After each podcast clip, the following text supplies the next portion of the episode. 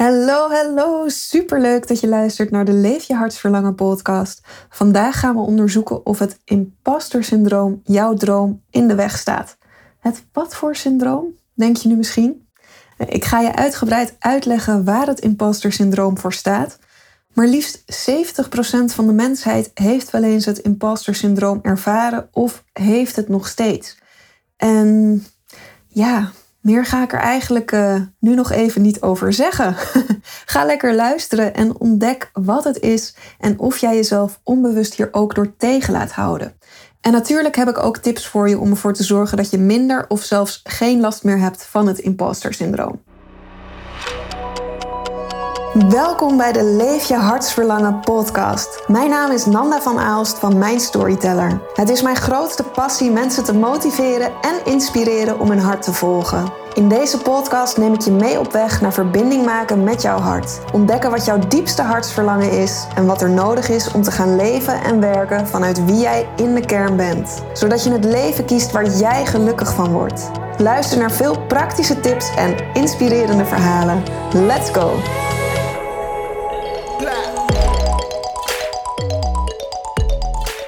Toen ik voor het eerst zelf in aanraking kwam met de term imposter, was dat op de Nederlandse Filmacademie, toen ik daar studeerde. En ik keek toen de documentaire The Imposter. En deze documentaire gaat over de 13-jarige Nicholas uit Texas, die op een middag gaat basketballen met vrienden en nooit meer thuis komt. En drie jaar later krijgt de familie van Nicholas krijgt een telefoontje dat ze hem hebben gevonden. Maar in werkelijkheid is de jongen die ze hebben gevonden is de Frans-Algerijnse Frederik Bourdin. Bourdin, om het even goed op zijn Frans uit te spreken. en hij wist de familie en de politie, die Frederik, die wist de familie en de politie echt op een briljante manier te overtuigen dat hij Nicholas was. Ondanks dat hij een zwaar Frans accent had wanneer hij Engels sprak, ondanks dat hij bruine ogen en bruin haar had in plaats van blauwe ogen en blond haar. En het gevaar voor Frederik was dat de familie en de politie zouden ontdekken dat hij zich voordeed als iemand die hij niet was. Omdat ze zouden ontdekken dat hij de boel bedroog. Nou, de documentaire heet niet voor niets The Imposter. En dat was eigenlijk voor de eerste keer dat ik het woord imposter hoorde. Dus toen ik een aantal jaar later de term imposter syndroom voorbij hoorde komen, toen kon ik de link leggen dat dit waarschijnlijk iets te maken had met jezelf voordoen als ja, iets of iemand die je niet bent.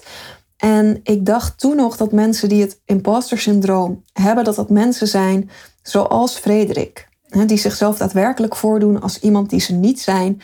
En ja, briljante bedriegers zijn. Daarmee bedoel ik briljant, bedoel ik trouwens niet als in hè, fantastisch, wat, wat goed dat hij dit heeft gedaan, maar meer ja, gewoon onwijs intelligente manier van bedriegen. Nou, inmiddels weet ik dat het iets anders ligt en dat mensen die last hebben van het imposter syndroom juist heel bang zijn dat ze door anderen gezien worden als een Frederik. Want mensen met het imposter syndroom hebben juist weinig vertrouwen in zichzelf en zijn bang dat ze anderen bedriegen en ooit door de mand zullen vallen. En ze vrezen voor het moment waarop anderen zullen ontdekken dat ze eigenlijk niets kunnen. En dat is namelijk wat ze over zichzelf geloven. Dat wat ze kunnen, dat dit niet echt is. En dat het werk wat ze doen, de prijzen die ze misschien gewonnen hebben, de complimentjes die ze krijgen, dat dit allemaal toeval is. En ooit, ooit komt de dag dat de rest van de wereld ook in zal zien dat dit toeval is. Nou, misschien Herken jij hier iets in van jezelf? Straks zal ik ook nog even wat kenmerken opnoemen. Dan kun je een soort testje hier tijdens het luisteren van de podcast doen om te checken of jij inderdaad last hebt van het imposter syndroom. Het imposter syndroom betekent namelijk dat je jouw eigen successen in twijfel trekt en ja, je het gevoel geeft dat je een fraudeur bent, dat je de boel voor de gek aan het houden bent. Je kan dus de meest succesvolle persoon ter wereld zijn en nog steeds geloven dat je deze successen niet verdient. En wat een beetje het uh, gevaarlijke is van het imposter syndroom, of nou ja, gevaar dat, uh, dat klinkt misschien wel heel zwaar. Laat ik trouwens ook eerst even erbij vermelden hè, dat uit onderzoek is gebleken dat dus ruim 70% van de onderzoeksdoelgroep het imposter syndroom ervaart of heeft ervaren. Dus je bent eerder een uitzondering als je er nog nooit last van hebt gehad dan als je er wel last van hebt gehad. Maar wat tricky is aan de mindset dat je succes niet verdient, is dat je jezelf ook gaat saboteren, omdat je voelt dat je het niet waard bent om succes te hebben. En dat zou er zomaar eens voor kunnen zorgen dat jij jezelf tegenhoudt. En dat je niet 100% gaat voor wat je echt wilt, omdat je gelooft dat je dat niet waard bent. Of ja, dat je überhaupt jezelf door het imposter syndroom klein houdt. Omdat je steeds denkt dat je de boel voor de gek aan het houden bent en eigenlijk helemaal niets kan. En dat kan ertoe leiden dat je jezelf niet zichtbaar durft te maken, dat je heel veel talenten en kwaliteiten onbenut laat, dat het nooit goed genoeg is, wat omslaat in perfectionisme. Nou ja, laten we, laten we eens een testje doen, zodat jij nu voor jezelf kan nagaan of het imposter syndroom iets is wat in de weg staat tussen jou en jouw droom.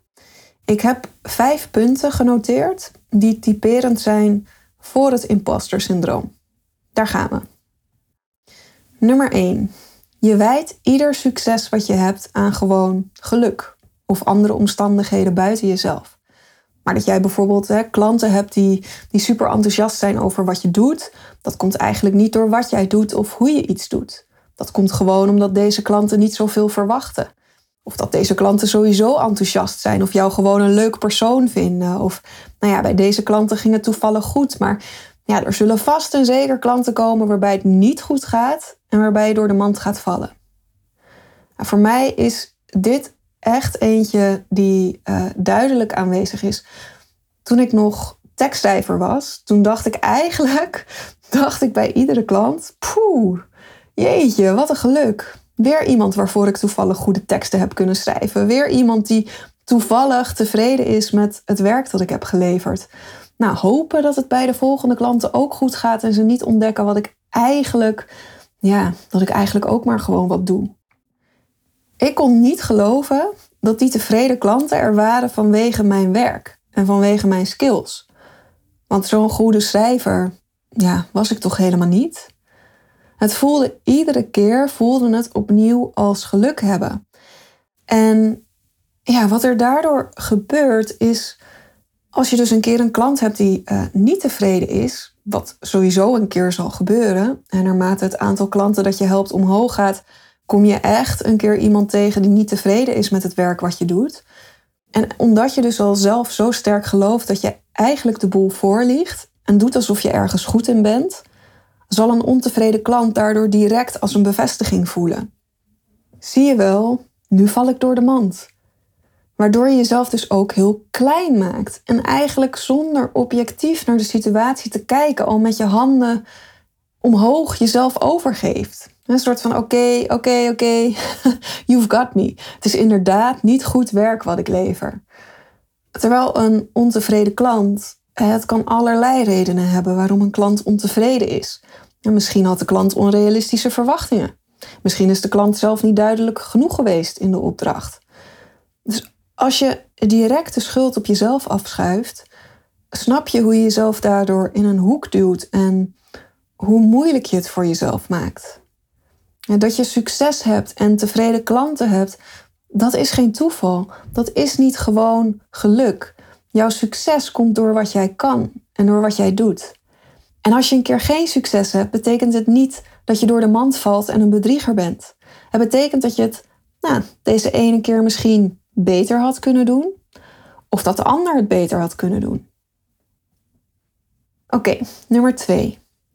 Mensen omschrijven jou als een perfectionist. Je moet van jezelf aan onmogelijke standaarden voldoen en je voelt je teleurgesteld en je schaamt je wanneer je daar niet in slaagt.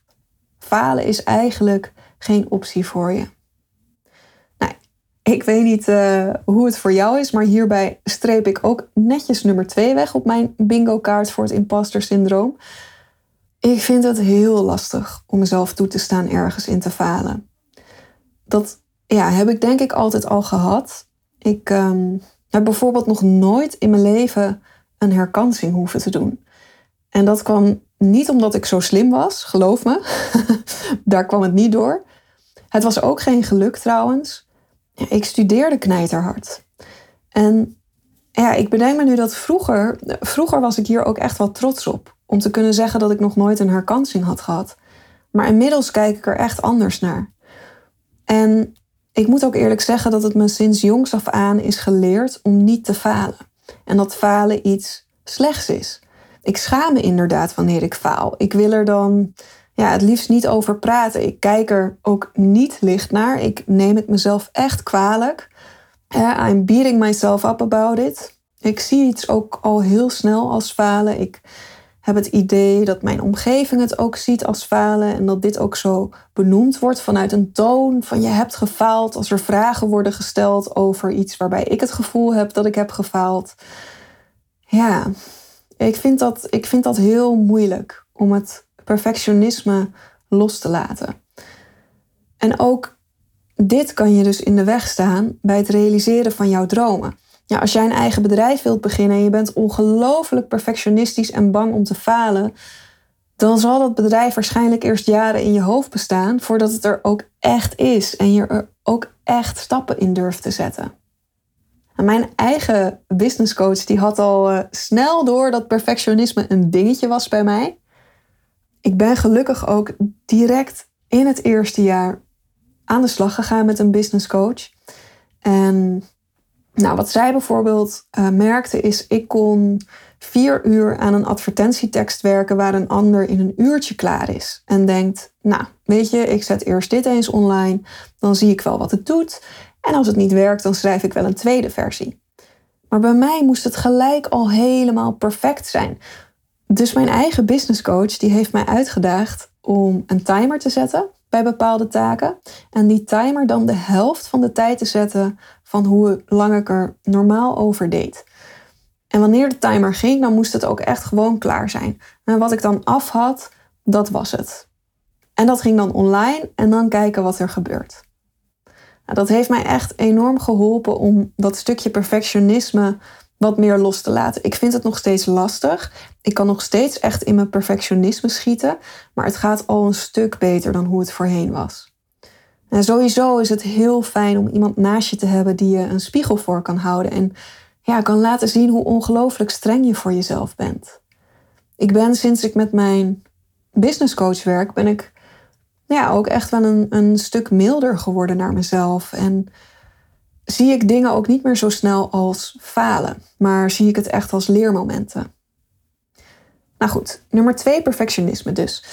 Nummer drie, je vindt het lastig om complimenten te ontvangen omdat het voelt alsof je het niet verdient. Een compliment laat je eigenlijk een beetje ongemakkelijk voelen. En je voelt je misschien ook schuldig omdat je denkt, ja, maar ik heb je gewoon voor de gek gehouden. Je, compliment, je zo moeilijk woord, je complimenteert me met iets wat eigenlijk niet waar is, wat niet is wie ik ben of wat ik echt kan. Ja, ik moet eerlijk zeggen dat ik hier, denk ik, niet zo'n last van heb. Ja, ik denk eigenlijk dat ik juist het tegenovergestelde heb. Ik ben namelijk ontzettend blij en dankbaar voor complimenten. En ik voel mezelf dan ook echt opbloeien. En ik merk dus dat ik ze nodig heb voor mijn zelfvertrouwen. Wat ja, eigenlijk dus ook niet goed is, want dat vertrouwen moet je juist in jezelf vinden en niet uit de buitenwereld halen. Maar de complimenten zorgen ervoor dat ik heel even geloof: oh, misschien ben ik toch goed in wat ik doe. Ja, ik moet er wel bij, ik moet er wel bij zeggen, nu ik er zo over nadenk. Ik geniet echt van een compliment en ik kan heel even zo de gedachte hebben: nou, misschien ben ik goed in wat ik doe. Die bevestiging waar ik eigenlijk naar op zoek ben. Maar de gedachte, dit was gewoon geluk, komt ook wel weer erg snel in me op. Dus ja, deze nummer drie uh, voelt voor mij een, een beetje dubbel. Deze vind ik lastig. Nummer vier, je saboteert soms je eigen succes. Om dat gevoel van schaamte en schuld, wat hoort bij denken dat je een fraudeur bent, om die gevoelens te voorkomen, saboteer je je eigen succes. En dat kan een onbewust proces zijn. Ben je wel eens bijvoorbeeld iets begonnen en zodra je progressie zag of op dat punt stond om ineens echt door te knallen, dat je toen de stekker eruit trok? ik heb denk ik zelf nooit echt de stekker eruit getrokken. Maar ja, ik herken wel heel erg van op dat punt staan van progressie maken. Hè, door willen knallen en dan die angst voelen voor, ja, maar als ik deze stappen ga maken, dan val ik echt door de mand. Ik heb het tot nu toe heb ik het nog gered, maar als ik deze groei ga maken, dan komen mensen erachter dat ik helemaal niet zo goed ben. Dat gevoel, dat herken ik. Maar gelukkig heb ik mezelf er nooit door tegen laten houden. Ik denk dat mijn ambitie en mijn dromen daarvoor misschien toch te groot zijn. En ja, dan kom ik toch ook wel een tegenstrijd in mezelf tegen. Want ik begin aan heel veel dingen zonder dat ik weet of ik iets wel of niet kan. Ik begin gewoon. Ik doe het gewoon. Omdat ik dus ergens wel echt vertrouw op mezelf. Nou, misschien is dat ook wel dat stukje hè, perfectionisme. Dat ik daardoor het idee heb, als ik maar hard genoeg werk, dan lukt het me wel. En falen is toch geen optie, dus het lukt me wel. Dit kan ik. Dus ja en nee, ik herken het gevoel, maar ik laat me er denk ik niet door tegenhouden. de laatste, nummer vijf. Je vermijdt jezelf zelfverzekerd te gedragen. Je durft geen zelfverzekerd gedrag te vertonen.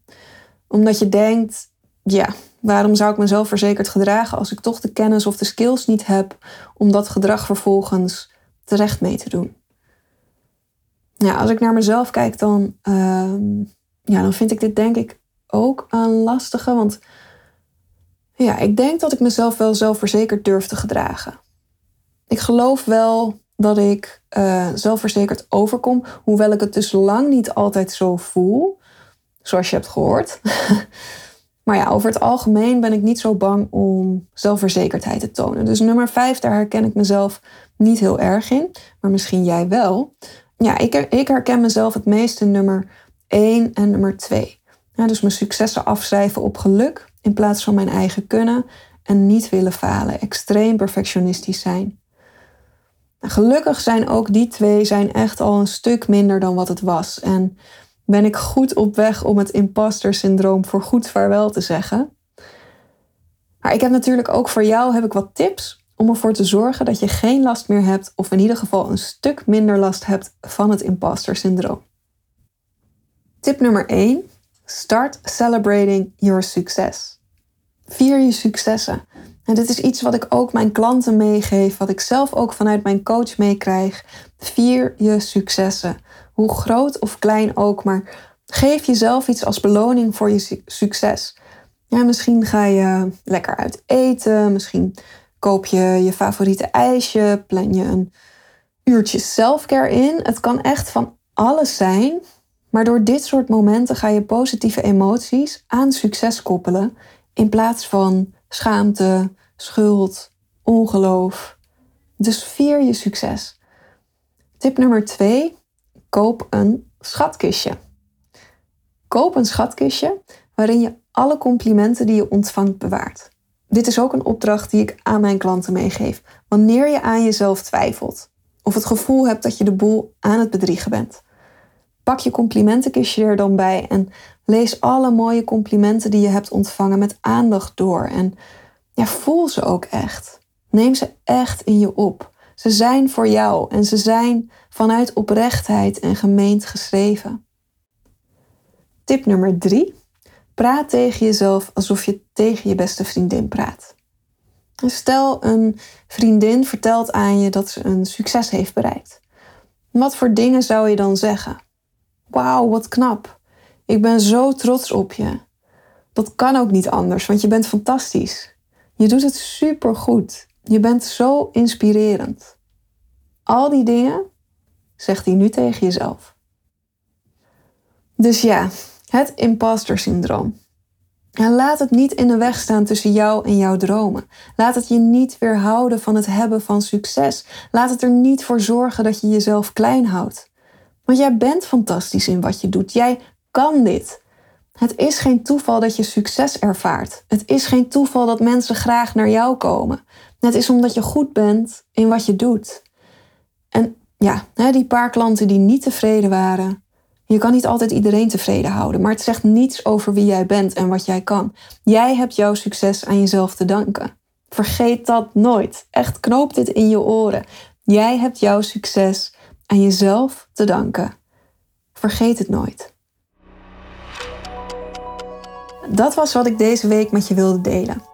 Laat me alsjeblieft weten of dit voor jou waardevol is geweest, want door die feedback weet ik nog beter waar ik op in mag spelen en waar ik nog meer podcasts over mag maken. Ik wil namelijk super graag het beste eruit halen en ja, ervoor zorgen dat je er echt iets aan hebt, dat je niet deze minuten voor niets hebt geluisterd. Je kan me via Instagram een berichtje sturen. Je vindt me daar via @mijnstoryteller. Jouw feedback is echt heel waardevol voor me. Dus dank je wel alvast als je dat aan me door wilt geven. En dank je wel weer voor het luisteren. En mocht je deze aflevering interessant hebben gevonden, maak dan alsjeblieft even een screenshot en tag me op Instagram via. Oh, dat kwam er. Zo, dat kwam er goed Amsterdams uit, hè? Instagram. tag me even op Instagram via @mijnstoryteller in je stories of in je feed. Daarmee worden anderen ook geïnspireerd en ik vind het super leuk om te weten wie er luistert. Ik kan mijn content dan namelijk ook nog beter afstemmen op mijn luisteraars. En ja, als laatste, voor de gratis content die ik aanbied, zou je daarvoor alsjeblieft iets voor mij terug willen doen. Ik weet dat de meeste van jullie luisteren via Spotify, maar zou je voor mij de podcast op willen zoeken op iTunes en een korte review achter willen laten? En dat kan al heel simpel door het een aantal sterren te geven. Maar hoe meer reviews, hoe beter de podcast gevonden wordt en hoe meer mensen ik kan bereiken met mijn boodschap. Goed, ik wil je voor nu wil ik je heel erg bedanken voor het luisteren en tot volgende week. Doei doei!